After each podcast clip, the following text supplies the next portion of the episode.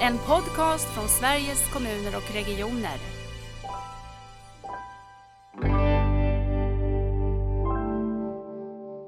Och det första eh, som man lyfte då var gör upp med traditionerna, driv hierarkierna. Det var det som man såg liksom som absolut avgörande. Men det kanske ofta är i, i skaven och glappen som det blir synligt vad som är riktigt viktigt. Alltså när man märker att det saknas.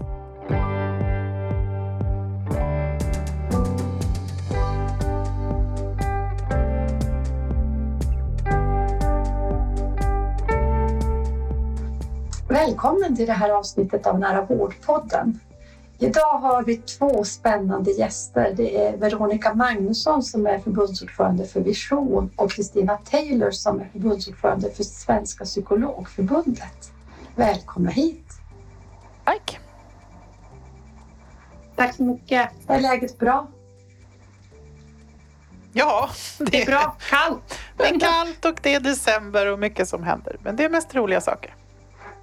Ja, det är bra. Jag, jag tycker Kristina att vi hade ett spännande samtal här när vi skulle koppla upp oss just om, om att allting alltid flockar sig kring de här ledigheterna och att det är så konstigt att vi inte lär oss som människor. Mm.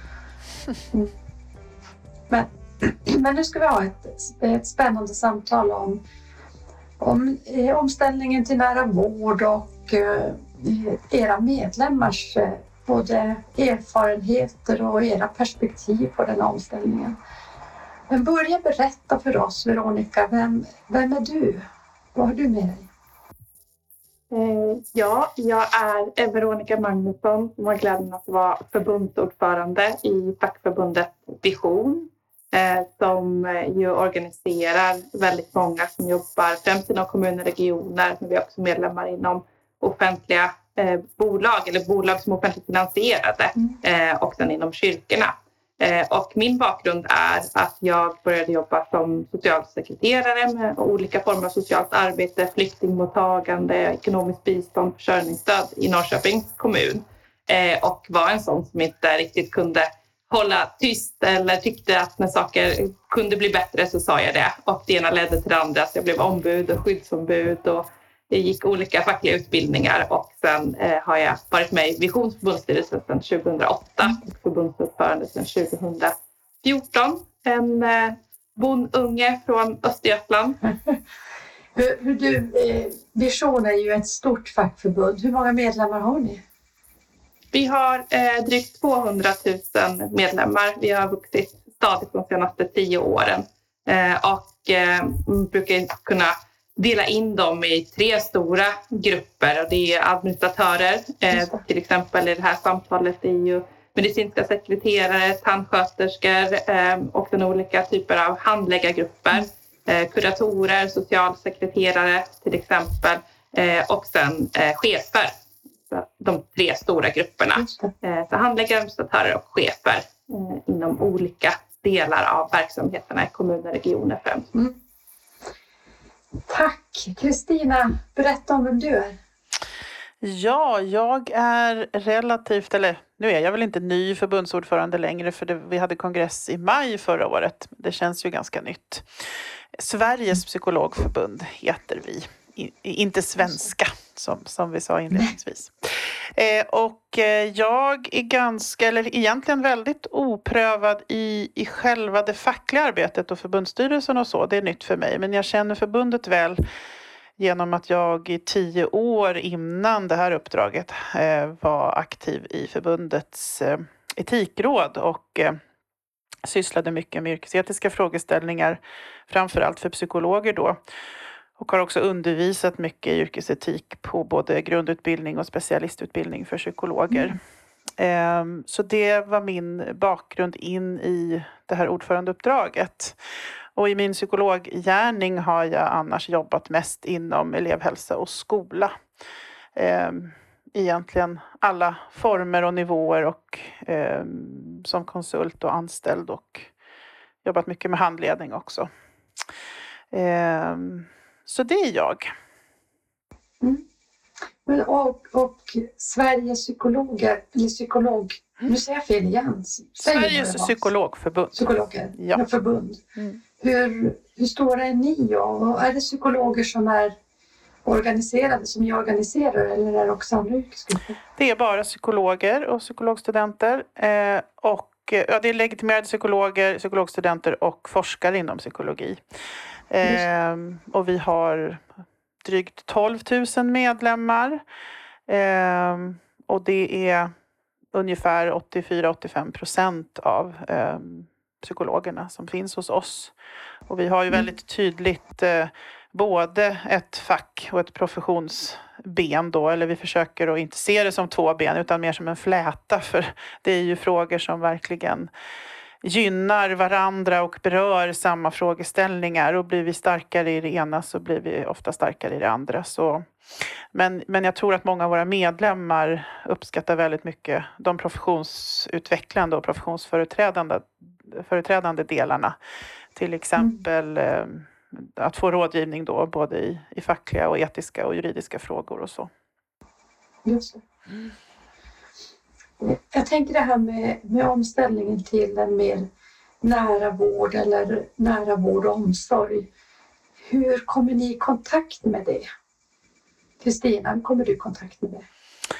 Ja, ja, det är ju väldigt många av våra medlemmar som är berörda och själva jobbar i eller nära den nära vården såklart. Vi psykologer finns ju i väldigt många olika samhällssektorer, inte bara hälso och sjukvården utan till exempel då elevhälsan som jag själv jobbade i. Eh, vi har ju arbets och organisationspsykologer som, som finns i alla möjliga sektorer och sammanhang. Eh, och eh, en hel del annat. Men det är klart att hälso och sjukvården eh, eh, är, är den största sektorn för psykologer. Och Mm. pri- primärvårdspsykologer har ju ökat väldigt mycket de senaste tio åren. Eh, så att eh, idag har vi ju väldigt många fler eh, psykologer som jobbar eh, på hälso och vårdcentraler. Eh, men också då på ungdomsmottagningar och elevhälsa och andra delar som finns inom den nära vården och på primärvårdsnivå. Så att egentligen kan man väl säga att det är väldigt eh, relevant för, de, för väldigt många av våra medlemmar kommer i kontakt med det. Just Mm. Hur ser det ut för, för era medlemmar och för dig Veronica? Hur kommer du i kontakt med det? Men det är ju väldigt många visions olika yrkesgrupper som eh, kommer i kontakt både med utvecklingsarbetet men kanske också ställs inför det som ännu inte fungerar eller den frustration som finns. Eh, jag tänker inom eh, äldreomsorgen eh, där vi har biståndsanläggarna, där vi har i första linjens eh, chefer och administrativa grupper. Jag tänker inom eh, socialt arbete där man liksom väldigt ofta behöver samverka med olika delar av hälso och sjukvården. Eh, och sen såklart de medlemsgrupper som jobbar direkt i hälso och sjukvården där det kan vara eh, kuratorer, chefer eh, och medicinska sekreterare till exempel. Eh, så att jag skulle säga att det är väldigt många som skulle, skulle verkligen tjäna på att vi tar steg i nära vård och som är avgörande för att vi ska, ska komma någon vart med det arbetet. Kan inte du berätta också Veronica hur du ser på omställningen? Om vad du tänker när du tänker kring omställningen till en mer nära vård? Men om man utgår ifrån eh, medlemmarnas perspektiv för oss som facklig organisation så är det ju väldigt mycket professionsperspektivet och förutsättningar att göra sitt jobb som vi utgår ifrån. Eh, och då eh, tänker jag att det handlar ganska mycket om att det blir hanterbart eh, och att man får att det blir begripligt. Eh, framförallt såklart för den som, som vänder sig eh, till, eh, till de olika yrkeskategorier för att få stöd. Eh, och att man känner att det finns en, en, en kedja eller det finns ett arbete eh, runt brukaren eller patienten där, där man får en chans att verkligen göra det som man ser att det finns behov av.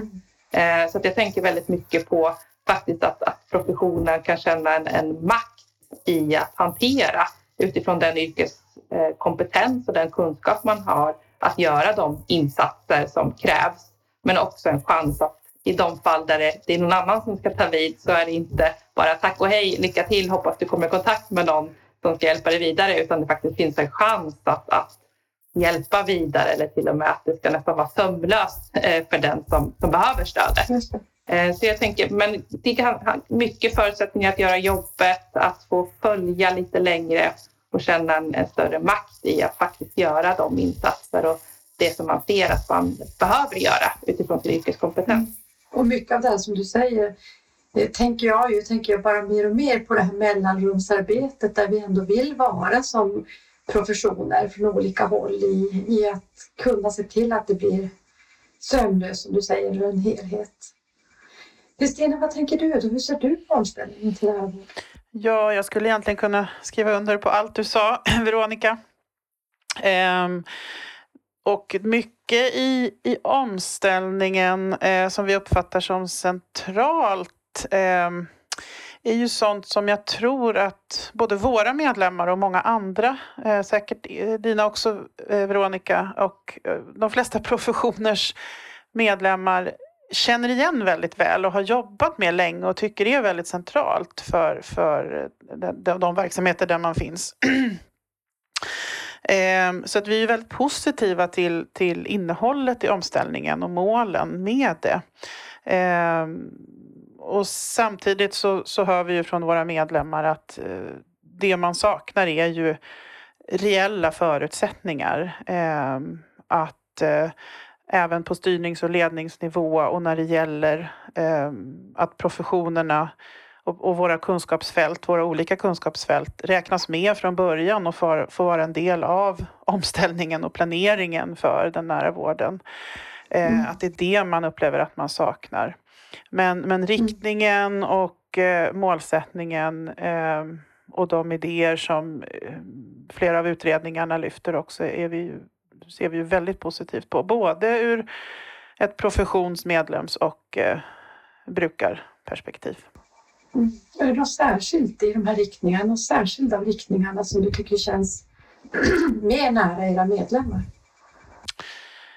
Egentligen inte, men det kanske ofta är i, i skaven och glappen som det blir synligt vad som är riktigt viktigt. Alltså när man märker att det saknas och då kanske just det här omkring samverkan både mellan professioner, eh, verksamheter, vårdnivåer, huvudmän.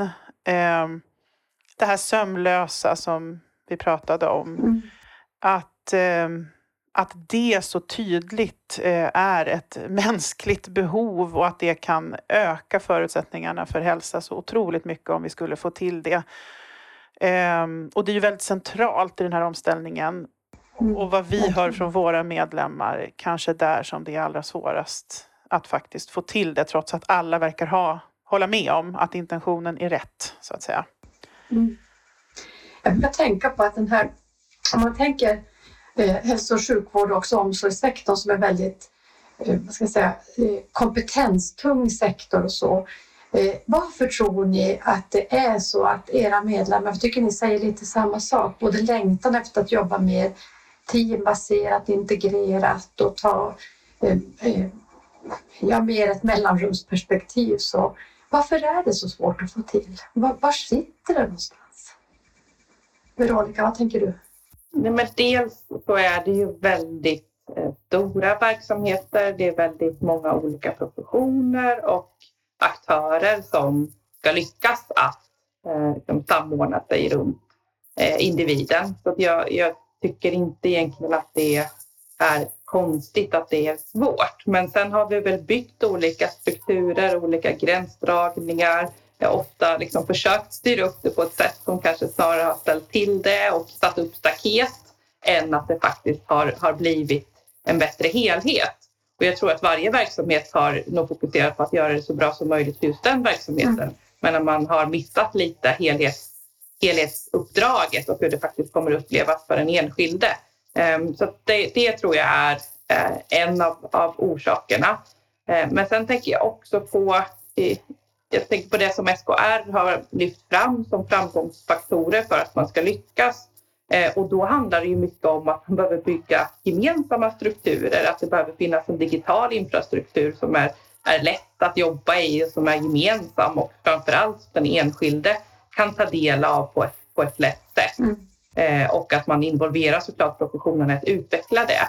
Eh, men sen också att, att det här med samverkan kanske för mycket har byggt på enskilda eldsjälar eh, snarare än att det varit ett tydligt uttalat uppdrag.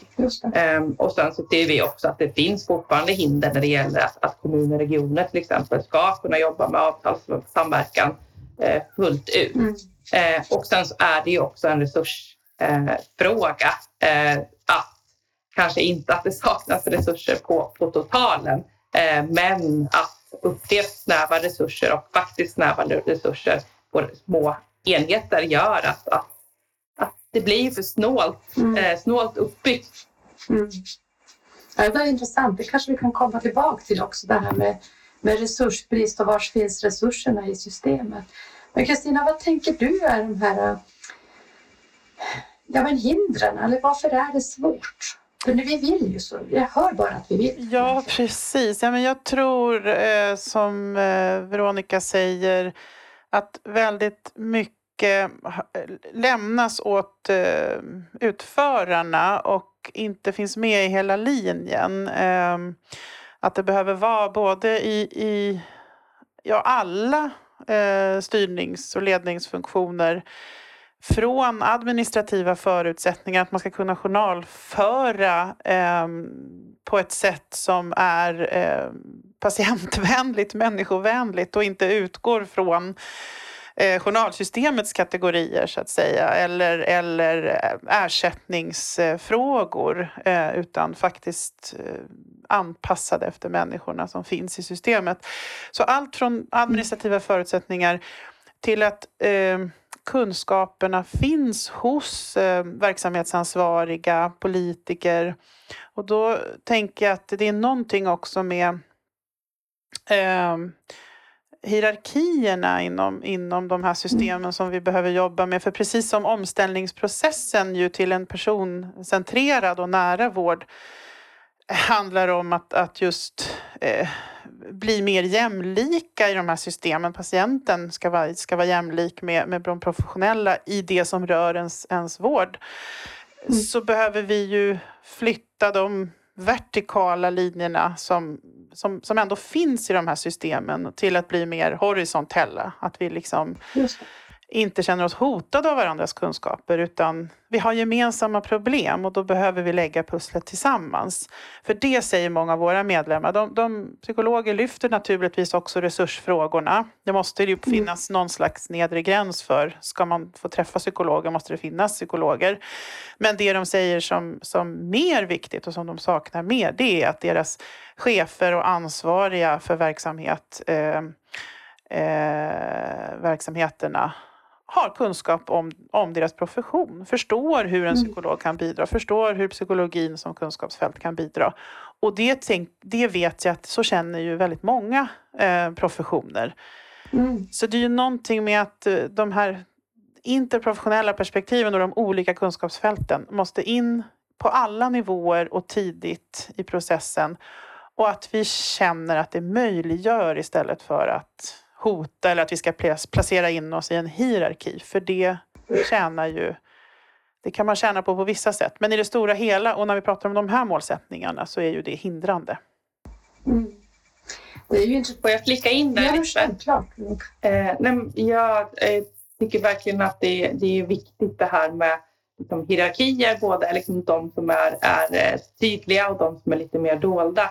Eh, för ett antal år sedan så gjorde eh, visionsmedlemmar som jobbar inom vårdadministration ett, ett jobb där man liksom själva fick professionen uttala vad som behövdes för att man skulle kunna jobba. Då benämnde det med effektiv vårdadministration mm. och så tog man fram tio råd för effektiv vårdadministration. Och det första eh, som man lyfte då var gör upp med traditionerna, riv hierarkierna. Det var det som man såg liksom, som absolut avgörande. Mm. För att man, för man som yrkesgrupp lever, upplever att man faktiskt inte får komma till tals i rätt mm. tid. Eh, så att man ofta då bygger eh, arbetssätt eller bygger eh, strukturer på sånt sätt att, att man inte har tänkt in vad den yrkesgruppen behöver för att kunna göra sitt jobb på bästa sätt. Eh, och sen så tänker jag också på det här med, med att cheferna eh, behöver ha kunskap. Och det är väl också någonting som häng, hänger ihop med hierarkierna. Mm. Att det är vissa yrkesgrupper som man har tänkt Eh, ska kunna bli chefer. Eh, och då är det klart att då tänker man att, att det är de, den kunskapen som man då värderar främst som man har med sig från den yrkesbakgrunden. Och så när det de som blir chefer och då har god kunskap om några professioner och lägre kunskap om andra. Och där ser ju Visions åsikt är ju att, att chefskapet är en profession i sig. Att vara chef är en profession och då ingår ju kunskap om att kunna leda olika typer av yrkesgrupper, att skaffa sig kunskap om hur de bäst kommer till sin rätt. Mm. För om det blir en konkurrens om att nej, men vi borde ha den här yrkesgruppen som ska bli chefer och den här och det här, då, då kommer vi bara liksom, omfördela i, i hierarkin istället för att jämna ut på det mm. sättet som Kristina är inne på. Mm. Så det, jag tycker att det är, det är väldigt eh, intressanta fenomen. Alltså det är otroligt intressant, för jag, jag kan tänka att en så här kunskapstung verksamhet som det här är, eh, är ju världens potential. Men det är ju som ni säger, det kan ju också om det blir alldeles för uppdelat och rangordnat också vara kanske det stora hindret. Eh, jag tänker samtidigt som också har ett förflutet i en, den fackliga rörelsen att just när man är professions, har tunga professioner som medlemmar så har har ju man också både potential och ansvar att försöka få till det här interprofessionella. Att hela tiden, det tycker jag är en ganska svår balansgång i det fackliga eftersom man är ju ändå rösten åt, åt de medlemmar som finns och samtidigt vill man ju heller inte vara den som står för det här hierarkiska och låsa in och, och eh, positionera. Hur tänker ni på det? Förstår, känner ni igen vad jag menar? Ja, absolut. Jag, jag, jag, tycker att det ofta blir eh, så. Och, och även där återigen, det är inte konstigt för att man liksom ligger närmast de professioner som man, som man företräder. Men jag tänker att men jag brukar alltid liksom försöka nämna att det ska inte vara en huggsexa mellan olika yrkesgrupper för att väldigt ofta så är det ju liknande eh, problem och utmaningar som man har. Det kan vara arbetsbelastningen, det kan vara liksom, strukturell resursbrist. Det kan vara att vissa yrkesgrupper värderas lägre på grund av att de är kvinnodominerade eller vad det än kan vara. Och det är ofta liksom samma saker som går igen. Så att om vi lyckas enas kring vissa frågor och lyfta dem gemensamt så tror jag att vi har mycket att, att tjäna på det. Eh, men också att ha en respekt för att, att det, det inte ska vara en liksom, konkurrens. Men självklart måste de olika professionerna komma till tals.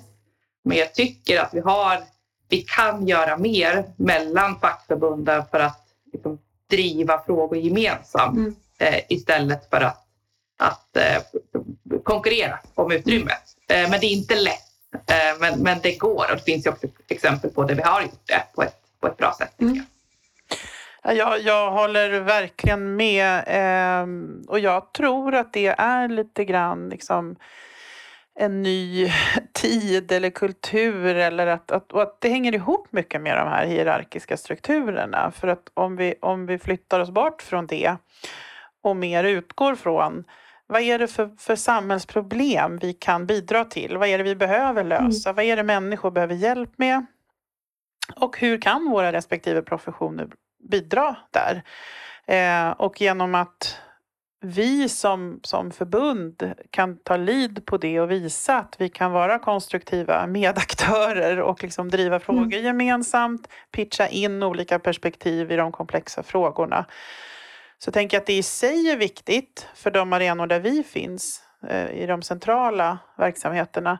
Men att det också kan vara inspirerande för våra medlemmar. För du frågade ju det, hur, vad blir vårt ansvar? Mm. Och jag tycker att ytterligare ett ansvar det är ju att försöka inspirera och skapa förutsättningar och eh, hjälpa till med hur kan man driva de här frågorna lokalt och i sin verksamhet och hur kan man som, som lokal företrädare vara en, en konstruktiv eh, röst. För där kanske man hamnar väldigt mycket i tunga eh, liksom, eh, frågor om att eh, slåss om, om korvörerna och att det känns Mm, tungt mm. liksom, att vara i dem. Mm. Men just att hitta de här inspirerande exemplen på när det kan bli något annat. För att vi kan ju, det är ju den här kopplingen mellan hela tiden det lokala och det centrala som gör att det kan bli någon skillnad. Så, Exakt. så där tänker jag att vi också kan vara liksom en slags eh, ja, men inspirera på det sättet genom hur vi gör, att det kan också hjälpa. Och också att vi på det sättet blir starkare ju som, som, som professioner och förbund. Att, att vi har sammanhållna sätt att ja, men ta, ta, ta den typen av positioner. Som Mm. inte liksom utesluter och trampar på andra utan visar på att styrkan i att, att samverka liksom, och lägga ihop våra kunskaper. Kan inte du berätta Kristina, för ni gör ju nu på just på nära vård försöker ni ju, har jag förstått, ha en, en dialog kopplat till det. Berätta kort om det. Ja, vi, vi har ehm, eh, sen styrelsen tillträdde då så har vi försökt jobba med på, lite, eller på ganska många olika sätt och utveckla demokratiska strukturer i, i vår organisation. Eh, så att vi, vi, och det hjälptes, det, det blev ju mycket lättare i och med den här digitala explosionen som, som vi Mm. hamnade i med pandemin. Men då har vi haft väldigt många olika slags eh, digitala mötesforum och då gjorde vi en process kopplad just till SKRs vårddialoger där vi har haft interna möten med både våra lokala psykologföreningar och våra yrkesföreningar eh, eh, och nätverk. Eh, där vi har försökt just dels få input från våra medlemmar då till eh, den dialog som vi har med, med, med eh, andra professioner och SKR omkring omställningen. Men också är vår tanke att föra tillbaka då goda exempel och, och eh, vi kommer sammanställa lite grann just eh, exempel som vi har hittat, lite kontaktlistor på psykologer som har liknande funktioner i omställningsprocesserna i olika regioner. Eh, för att just hitta kraften och eh, inspirera varandra och eh, samla oss på just eh, få ihop det centrala och det lokala och Mm. yrkesprofessionsperspektivet. Eh, så det känns jättekul och är väldigt uppskattat. Ja, super. Väldigt intressant. Jag tänker det här det lokala och det nationella eller det centrala. För det är också därför man finns i en rörelse i en facklig organisation för att man kan få kraften av att några finns på en, en del av spelplanen och någon annan någon annanstans. Veronica, du sa också att eh, du har exempel på hur ni har kunnat jobba mer så här eh, att få vara på, på kraften snarare än att kanske bara vara den som är emot.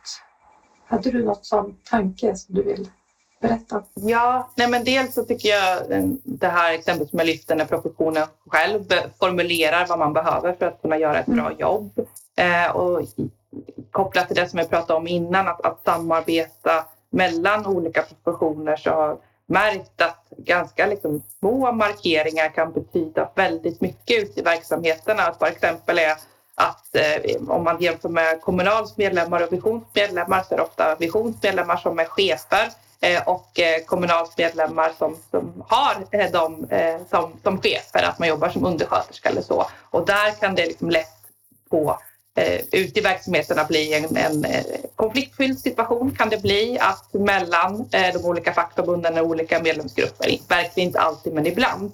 Och då har vi gått ut gemensamt med Kommunal och sagt att det behövs tillräcklig bemanning men det behövs också chefer som har tillräckligt bra villkor och rimliga förutsättningar för att kunna leda. Och vi är överens om att båda yrkesgrupper tjänar på det här.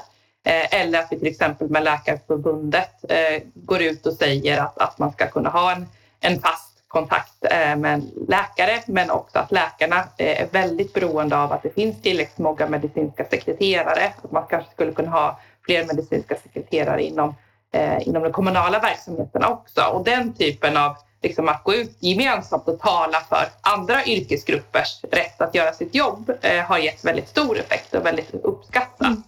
Eh, sen ett annan sak som jag gjort för att uppmärksamma är att vi har, det finns en, en podd som heter Ångestpodden eh, där det är eh, två eh, kvinnor som väldigt länge och på ett väldigt bra sätt har uppmärksammat eh, ungas eh, psykiska ohälsa och frustrationen kring att inte få hjälp. Och där hade vi ett samarbete som vi kallar Mellan stolarna där vi mm. uppmärksammade Liksom, och då istället bara för att det blir perspektivet att unga får ingen hjälp så lyfter vi in liksom, professionsperspektivet och betonar att ja, men är, det, är det 3000 elever på en kurator så, så är det omöjligt att ge det stödet.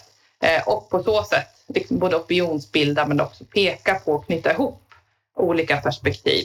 Eh, och, det, det, och sen då kunde vi se att nu när det här eh, Eh, förslaget kring Börja med barnen, mm. kring en, en sammanhållen god och nära vård för barn och unga kommer, så ser vi att det finns väldigt mycket där som är just det som både då våra medlemmar men också unga själva har efterfrågat. Och då, då känns det såklart bra att vi har kunnat spela en liten roll i att påverka att det kommer till det här i. Och viktigt också att se att det är också är påverkansarbete tror jag. För det har man som du säger Kristina, det är ju också en annan tid där vi behöver Eh, Eh, vårt arbete med att påverka om man är i sådana organisationer också behöver se annorlunda ut. Veronica, får jag säga en sak som jag skulle vilja ge feedback till dig och jag tycker du var väldigt modig i din debatt när äldreomsorgen fick ganska mycket kritik och du också gick och, och ut och debatterade chefers roll i offentlig sektor. Eh, därför jag tänker, vi var inne på det här med styrning och ledning och att alla nivåer påverkas. Säg någonting bara kort om det också. Eh, nej men, vi eh, ser ju att eh, de första linjens chefer inom eh, vård och omsorg är de chefsgrupper på arbetsmarknaden som har absolut flest medarbetare per chef eh, samtidigt som man har enormt ansvar i sitt uppdrag eh, och enormt många kontaktytor, väldigt många uppgifter eh, och ofta ansvar för väldigt stora budgetar. Men med de det ansvaret följer ju inte befogenheter. Man har ofta ganska liten chans att påverka eh, och som sagt en väldigt hög arbetsbelastning. Eh, men det finns också en, en jargong i, eh, kanske inte på arbetsplatserna främst, men i samhället, att, att chefer alltid har det bra på något sätt och att de kan man prata om på ett sätt som kan vara väldigt raljerande eh, och ganska nedsättande. Ganska ofta om du ser liksom vad det beskrivs som en chef och sen testa att byta ut det mot sjuksköterska eller någon annan yrkeskategori så skulle man nog reagera och tycka att det inte var alls okej. Okay. Mm. Eh, och eh, sen då i samband med att vaccinationerna började komma igång eh, så var det ju på några ställen där, där chefer fick vaccin eh, ganska tidigt och det fanns olika skäl till det. På en del håll var det säkert att man gjorde felbedömningar och kanske att någon gjorde en, en rent felaktig bedömning. Men det var också på många håll där man bedömde att ja, men nu, det var chefer som jobbade i verksamheterna till exempel. Det var fullt rimligt att de fick vaccin eh, eller att, att ja, det fanns helt rimliga godtagbara skäl. Men då blev det ju en debatt att de här personerna bara ville roffa åt sig och att det är typiskt chefer. Mm. Eh, och då eh, kände vi att nej, men nu får det faktiskt vara nog. Eh, då fick vi gå ut och markera kring att det, det blev en form av häxjakt mm. eh, på en, en yrkesgrupp som har gör fantastiska insatser med ofta ganska tuff situation. Mm. Eh, och sen ska jag säga att det, det var liksom i en specifik situation. Sen gör vi ett stort, en, en stor mobilisering nu för att förbättra situationen för första linjens chefer inom äldreomsorgen. Eh, där vi har försökt träffa de flesta partier och nu har dialoger runt om i kommunerna med ledningarna där för att belysa hur, hur deras arbetssituation ser ut. Mm. Får jag kommentera? Ja, men absolut. Jag tycker det här är så himla viktigt och jag tänker att det är också en del av den här vertikala strukturen där det liksom alltid är någon annans fel eh, någonstans i, i den linjen. Istället mm. för att just tänka hela tiden att vi, vi, sitter i samma båt. Det är precis samma utmaningar. Sen har vi olika ansvar beroende på vad vi har för uppdrag naturligtvis.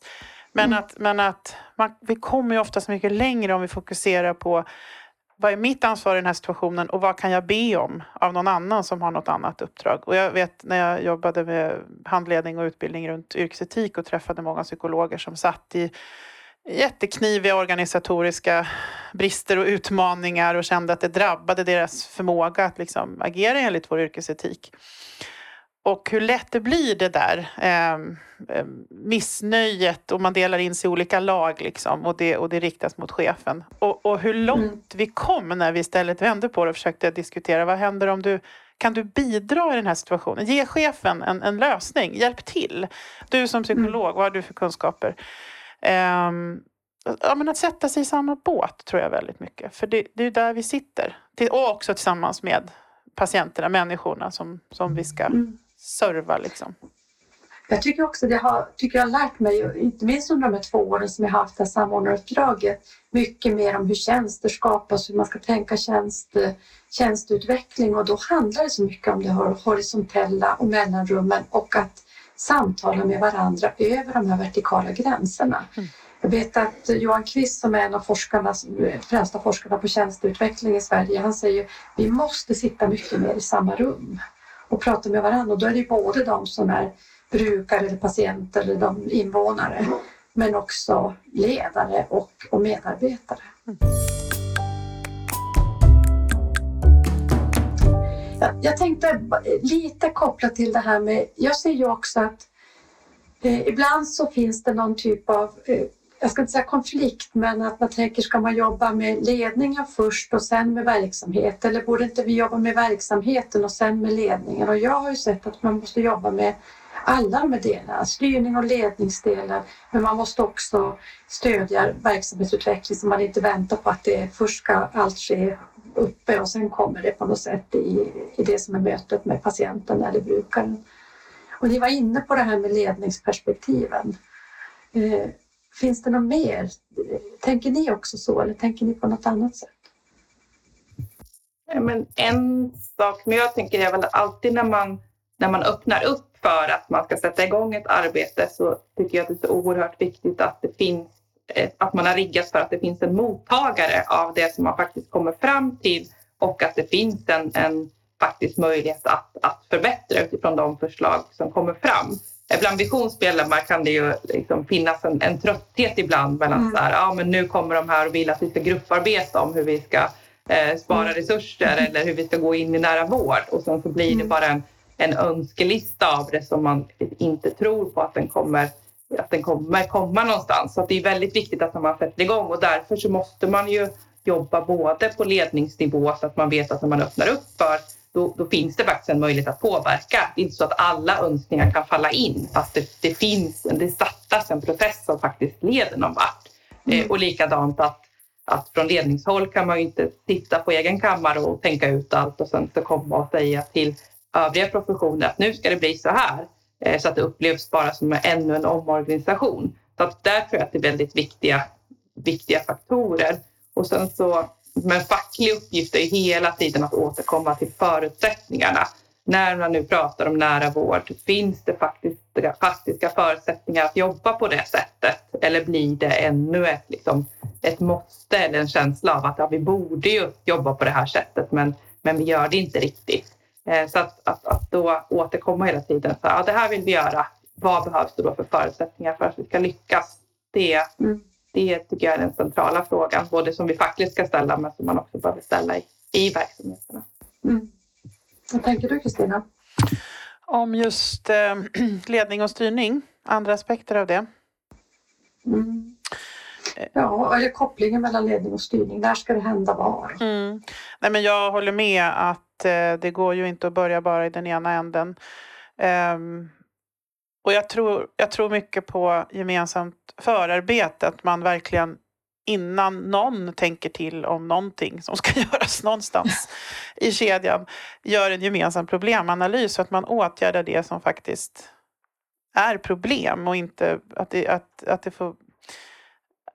Ja, men jag tänker att vi har en tendens att komma till olika lösningar och förändringar lite för fort sett till vad är det egentligen vi behöver komma åt här. Ehm, mm. Alltså som i vetenskapligt arbete, att man, man lägger rätt mycket problem på, eller lägger mycket tid på att formulera rätt fråga. Liksom. Vad är det vi behöver ta reda på? Vad är det som är problemet? Och att vi där, att det får ske i samarbete. Att de som finns i hela kedjan får vara med och, och, och, och beskriva det problemet. För då kommer vi ju få bättre lösningsförslag. Mm. Och det, det hör vi ju från, från, från psykologer i många verksamheter att man, lite liknande som du säger Veronica, att man tycker att så, så blir det inte så ofta. Utan det blir lite, mm. det kommer in lite för sent och det blir lite mycket eh, bara på pappret sådär. För att man redan har ju tänkt någonting eh, och, och mm. med vad det är man vill komma åt. Så att, mm. För det tänker jag att den här fördelen och om, man nu klarar av, om vi klarar av att använda den fördelen med nära vård, att det är ju inte en ny organisation. Det är ju på något sätt en riktning och förhållningssätt och, och det ska bli någon verkstad. Och det är både svårt men det också öppnar ju upp för mycket mer. Och jag tänkte att vi ser problemen men också lära sig av de som gör spännande saker. Kan inte du Kristina berätta om både eh, Veronica och jag fick ju vara med på ett möte där vi fick träffa en, en vårdcentral i Västerbotten som jag vet att du var med och planerade det mötet. Kan inte du berätta för lyssnarna om det? För jag tänker det är också, de, de gör ju någonting som Precis. vi borde kunna lära av. Ja, det var precis. Vi tyckte att det skulle vara kul att, att träffa en, en verksamhet som eh, som eh, har jobbat mycket med det här just att, att eh, mer skippa hierarkin och verkligen samarbeta alla, alla yrkesgrupperna på en hälsocentral är ju det här då. Eh, mm. Och eh, då beskrev ju Anna-Lena, eh, psykologen och Katarina, läkaren, väldigt fint hur, hur hela kedjan är med i, i deras arbete.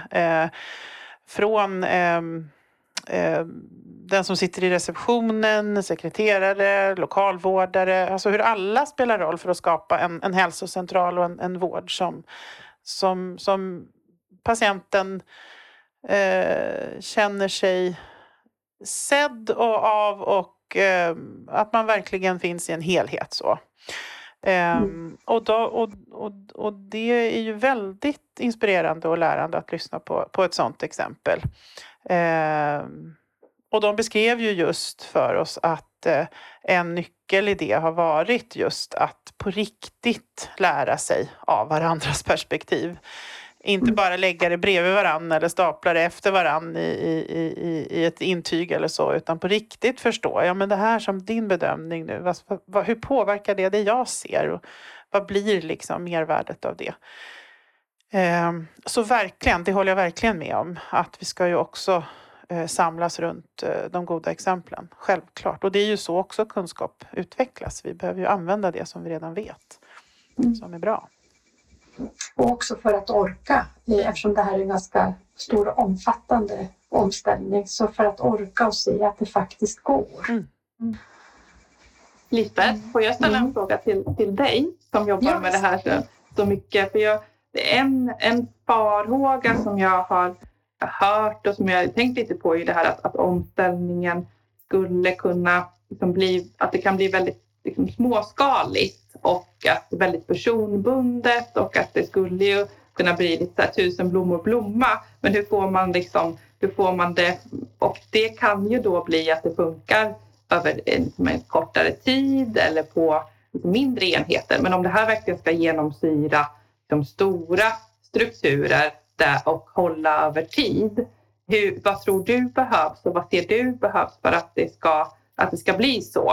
Eh, mm. Så att det inte blir eh, fragmentiserat. Det kan ju bli bra runt patienten men det kan bli också väldigt förvirrande och att det inte blir likvärdighet av det här. Och hur, är det någonting som du känner igen och vad tänker du kring det?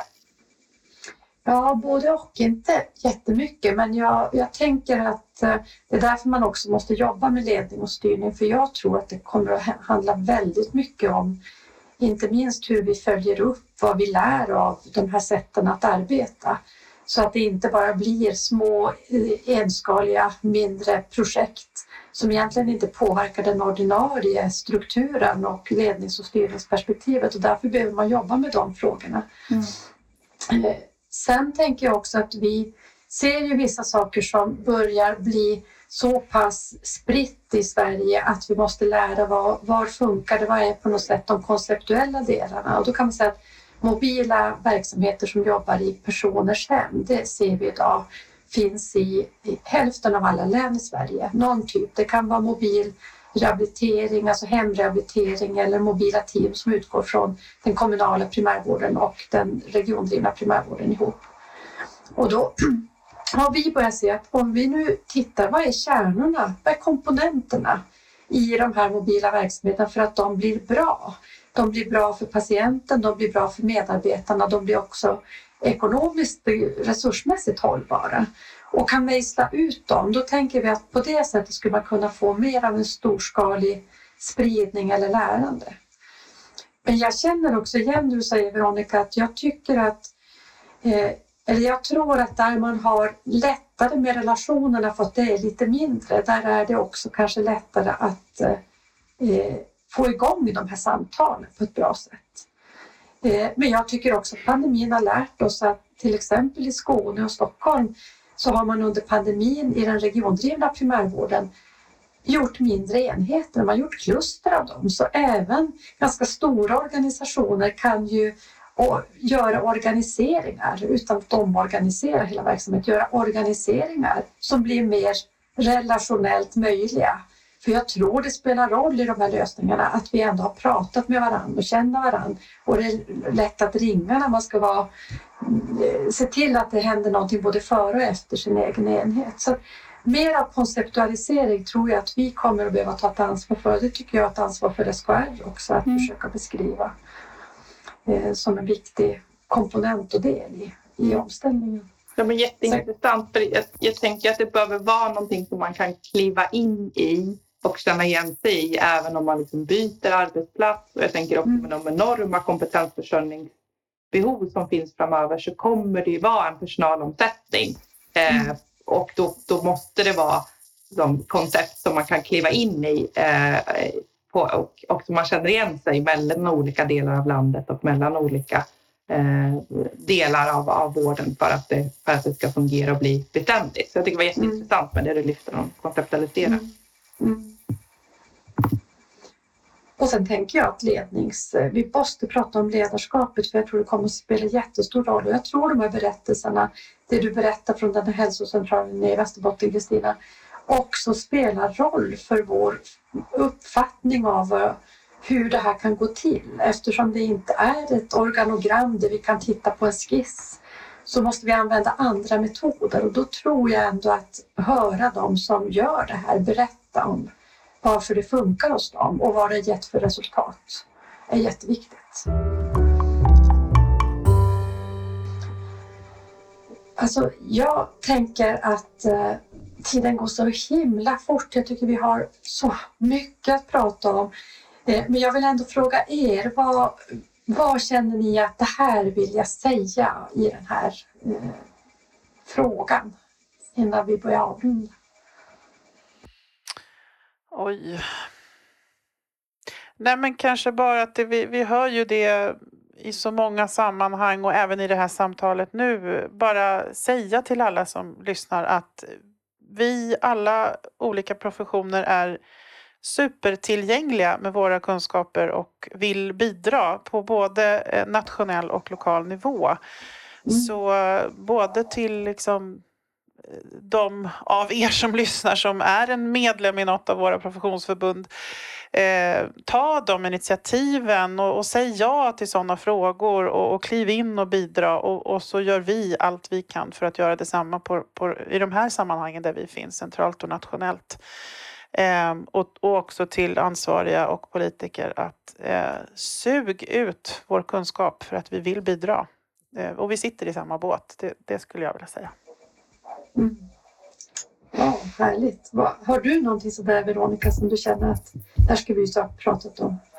Mm. Jag tycker vi har varit inne på väldigt mycket bra. Jag tycker att det är så oerhört viktigt att alla eh, professioner får komma till tals och då menar jag verkligen alla. Alltså att när man går igenom en arbetsplats och pratar om det här så kan det liksom mycket väl vara den som jobbar med, med IT-frågorna eller den som står i receptionen eller vad det än kan vara som kan vara väldigt viktiga för att det här ska fungera fullt ut och att det är viktigt att komma ihåg det. Det innebär inte att alla ska vara involverade i alla processer men att, att här, tänka vad, vad de olika rollerna, vad, hur kommer de kunna bidra till att helhetsupplevelsen blir eh, det som vi vill uppnå med nära, nära vård. Eh, så det, det tycker jag är jätteviktigt och sen att alltid, och när vi säger att nu vill vi uppnå det här, att faktiskt fråga sig, finns det förutsättningar att faktiskt göra det här? Eh, och om det inte finns det så måste man inventera och, och se, är det realistiskt att få till de förutsättningarna? Är det inte det, då kanske vi också måste ändra på ambitionsnivån så att vi inte sätter eh, människor i en situation eh, där de har ständigt dåligt samvete, eh, har ständigt hög arbetsbelastning för att de har ett omöjligt uppdrag. Eh, det tycker jag är väldigt eh, viktigt. Mm. Tack. Jag tänker att vi avslutar med den här frågan om vad nära är för er. Veronica, vad är nära för dig?